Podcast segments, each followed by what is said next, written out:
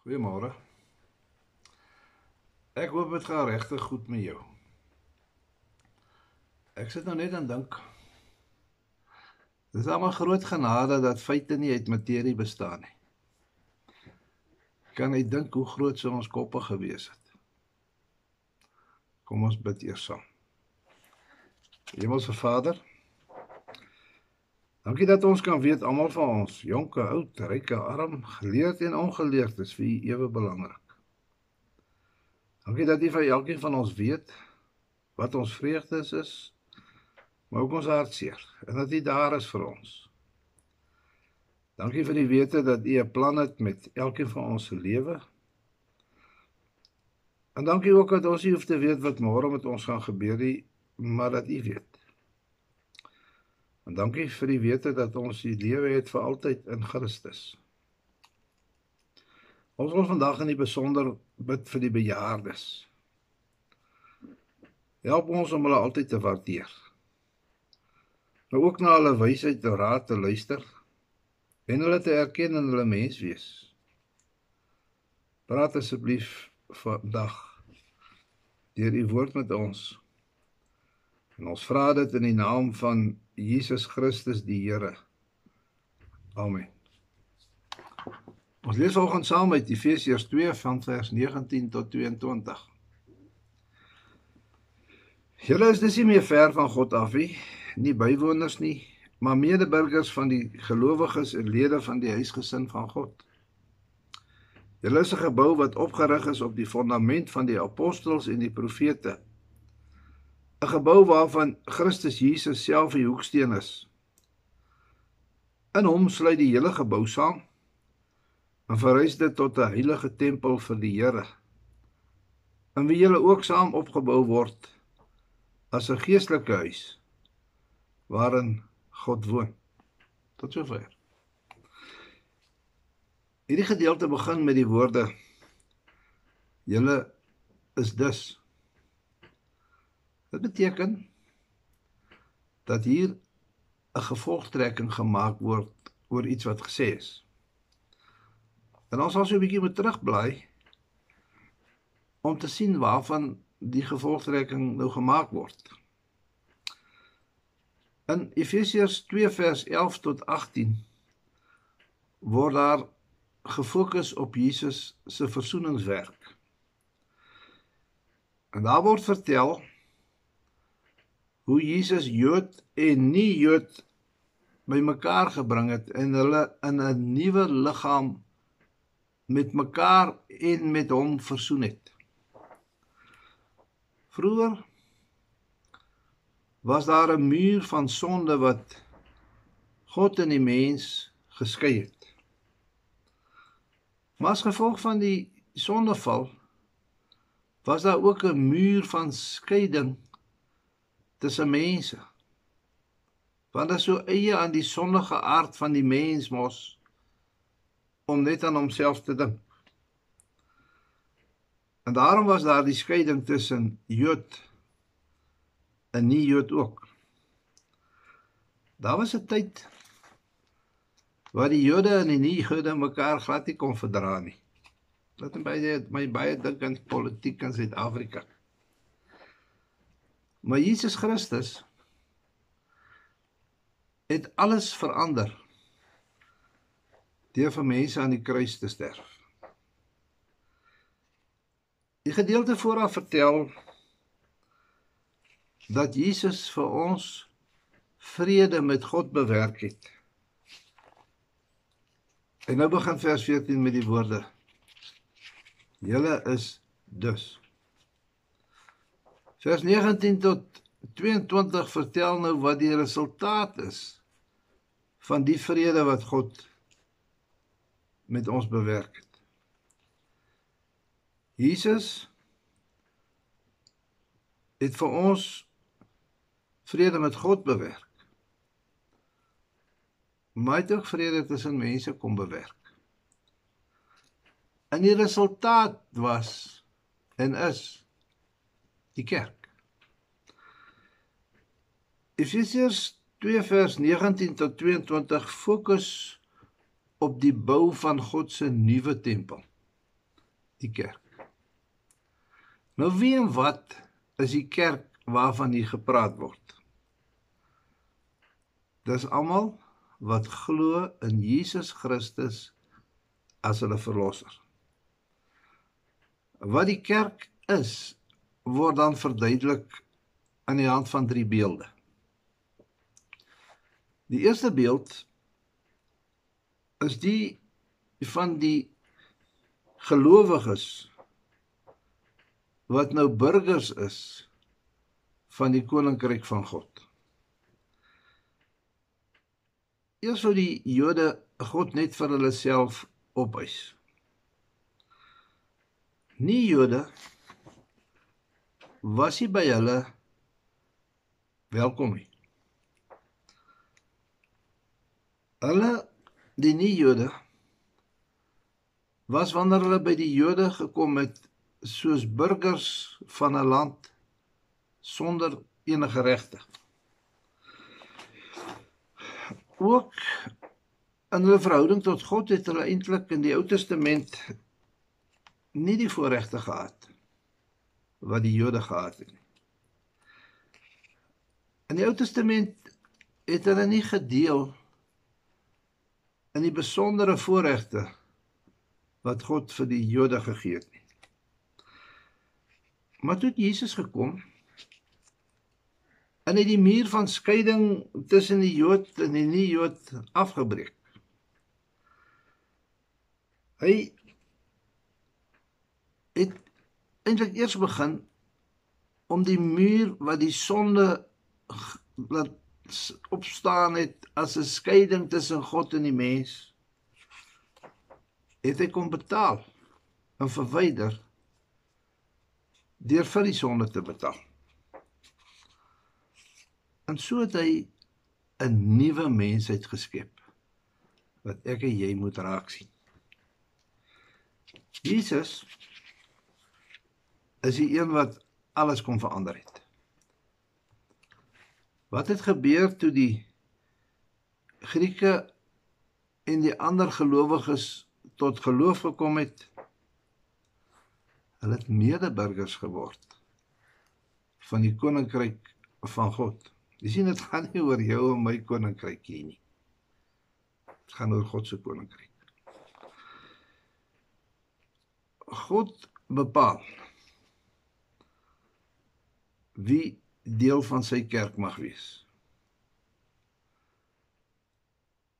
En Jesus Christus het dit kom bewerk dat elkeen wat glo deel kan word van God se koninkryk. Ons het nou elkeen plek in die hemel. Maar nie net ons nie. Alle Christene het daar plek. Maar dan sekerlik hier by ons in die kerk ook. Dis ons voorreg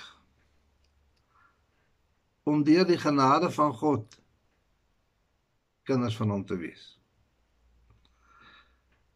Maar hierdie genade bring ook verantwoordelikhede. Ons het nou deel geword het van God se mense moet nou by sy reëls aanval. Ek dink ons verstaan ons verantwoordelikheid wat God gee baie keer verkeerd. God se koninkryk is nie 'n demokrasie waar mense die reëls maak soos ons graag doen nie. God se koninkryk is 'n teokrasie. Dit beteken daar regeer God. En in sy koninkryk geld sy reëls. Maar nou sien feit dat geen mens sy reëls kon nakom nie. En daarom het hy sy seun gestuur om hierdie muur tussen ons en tussen God en ons te kom afbreek, die muur van die sonde.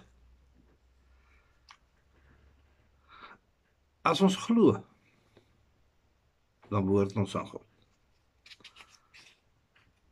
Ons is burgers van die koninkryk van God alleen deur God se eie genade. En dis in Christus. Daar's 'n tweede beeld in vers 19.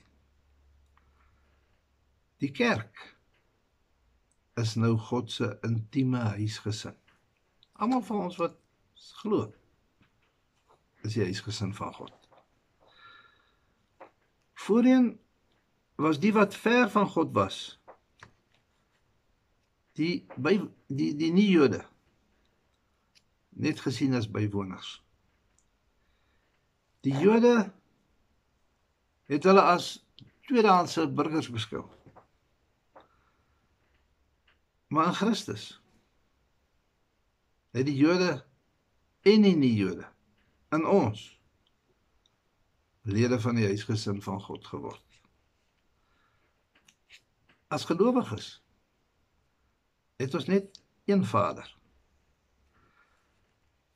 En wanneer ons aan die kerk dink, is ons 'n huisgesin van God. In ons verhouding tot God en tot mekaar. In elk geval dis dit veronderstel is om te wees. Waarom dink jy as jy 'n huis of huisgesin dink? Jy weet, die meeste van ons is gelukkig dat ons 'n plek het wat ons huis kan noem. Dis gewoonlik 'n plek van hartlikheid en warmte en aanvaarding. Dis 'n plek waar jy eerlik kan wees en sonder 'n masker kan loop. En daarmee praat ek nou nie van die COVID maskers wat ons moet dra nie. By die huis het mense mekaar lief en aanvaar hulle my. Die gedeelte praat oor die kerk as huis. God wil hê ons moet sy huis wees. Maak ons huis vir mekaar. Hoe word ons hierdie huis waar mense welkom is en tuis voel. Deur van mekaar lief te wees en om te gee. Die huis van God is bedoel vir alle gelowiges. Alle gelowiges. Die kerk as huisgesin van God en as huis moet die plek wees waar ek die risiko kan loop dat ander my foute raak sien. En my seer en my behoeftes. In die kerk is ons mekaar se familie. Hy vra dat ons mekaar sal lief hê. En God wil dit hê vir al die gelowiges in ons land. Die derde beeld wat gebruik word is van die kerk as tempel van God waarvan Christus die hoeksteen is. Dis vers 20 tot 22. In die Ou Testament is die tempel vir God gebou deur Salomo. En daarna is dit nog twee keer herbou. En die volk Israel het vir meer as 1000 jaar die tempel aanvaar as die plek waar God in hulle midde woon. Die nuwe skepping waarvan Jesus in Efesiërs 2 praat is nie 'n geografiese beperkte plekkie. Hy het alles kom verander. Die tempel is nie nou net meer 'n gebou nie. Die kerk as tempel van God bestaan nou uit mense uit alle volke en tale. God woon nou nie meer in 'n fisiese tempelgebou nie. Soos die Jode gedink het nie. Die geestelike tempel van God, hierdie gebou van God is ook nog nie voltooi nie. Hy word nou nog 'n hele tyd gebou. Hoe so? Want God woon in die harte van elke gelowige. Maar ook in die van almal saam. Hy heg hierdie gebou saam op 'n fondament. En dit het 'n goeie hoeksteen. En daarbey bou hy gedurig nuwe stene in hierdie gebou in. Dis lewende stene. Want as die gelowiges wat aan mekaar bykom. In hierdie bouproses werk Jesus Christus in die Heilige Gees maar ook mense as instrumente van God. En die struktuur van hierdie nuwe gebou wat Jesus kom oprig het. Lyk so. Daar's 'n fondament. 'n Hoeksteen en stene. Die fondament waarop hierdie nuwe gebou rus is die boodskap van die apostels en die profete. Hulle die boodskap wat deur die Heilige Gees geïnspireer is met absolute gesag kom oordra. God het die geheim van die evangelie aan hulle bekend gemaak. En die boodskap wat hulle bring kom van God af. En dis die Bybel wat ons lees. Die woord van God is die fondament van dit wat ons glo. En ons geloof is dit wat ons as gelowiges saambind. Die woord is die fondament waarop die kerk staan. Waar 'n fondament beweeg, sal die kerk wankel. En dis seker hoe vandag soveel verskillende kerke is. Ons glo dat die Bybel die woord van God is. En ons probeer daarby hou. Die belydenisskrifte wat gegrond is op hierdie woord vertel wat ons glo. En hierdie geloof van ons bind ons saam. Ons glo op grond van God se woord dat ons gered word net op grond van God se genade in Jesus Christus.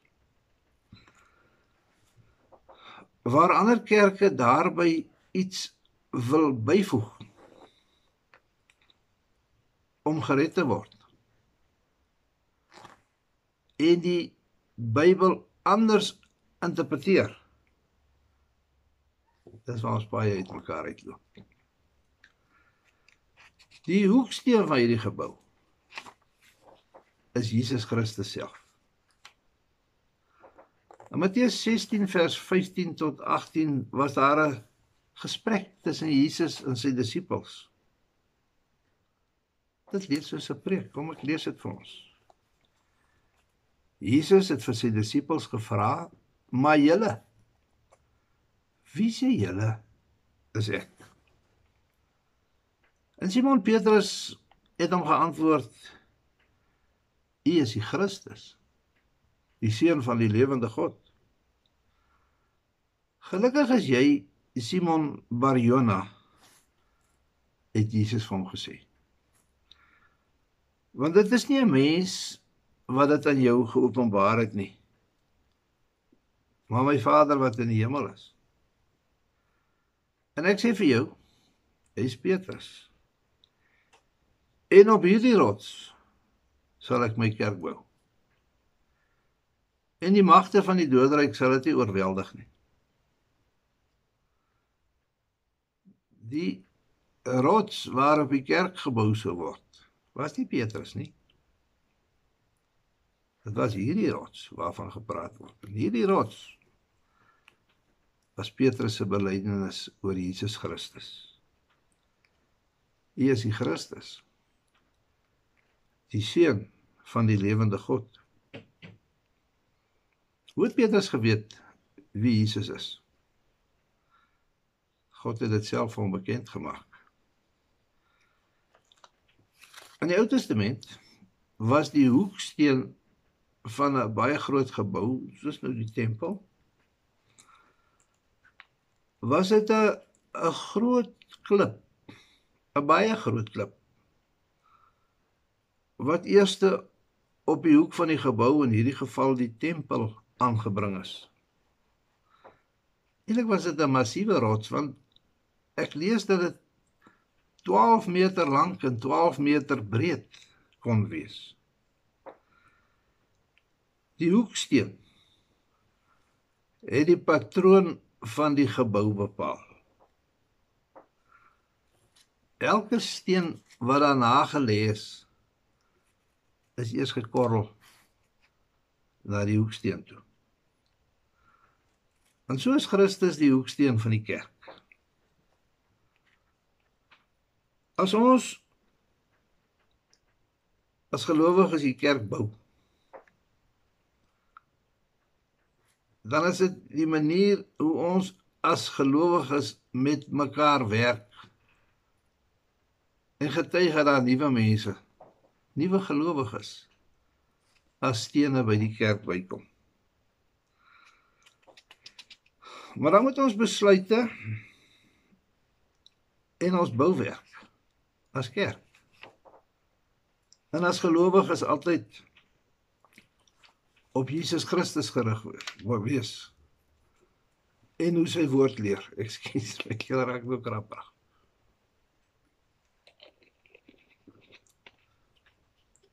Elke mens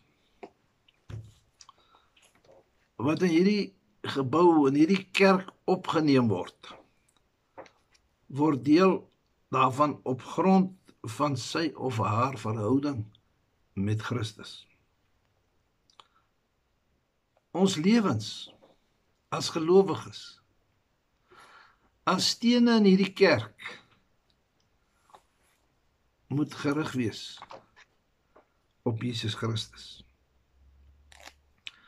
En so het die gelowiges uit die heidendom waaruit ons ook gekom het het hulle nuwe stene geword wat in hierdie gebou van God ingevoeg is. Die tempel in Jerusalem was net vir die Jode, so het hulle gedink. Die heidene en die nie-Jode was uitgesluit. Maar nou is dit alles anders. Ons is nou deel van die tempel.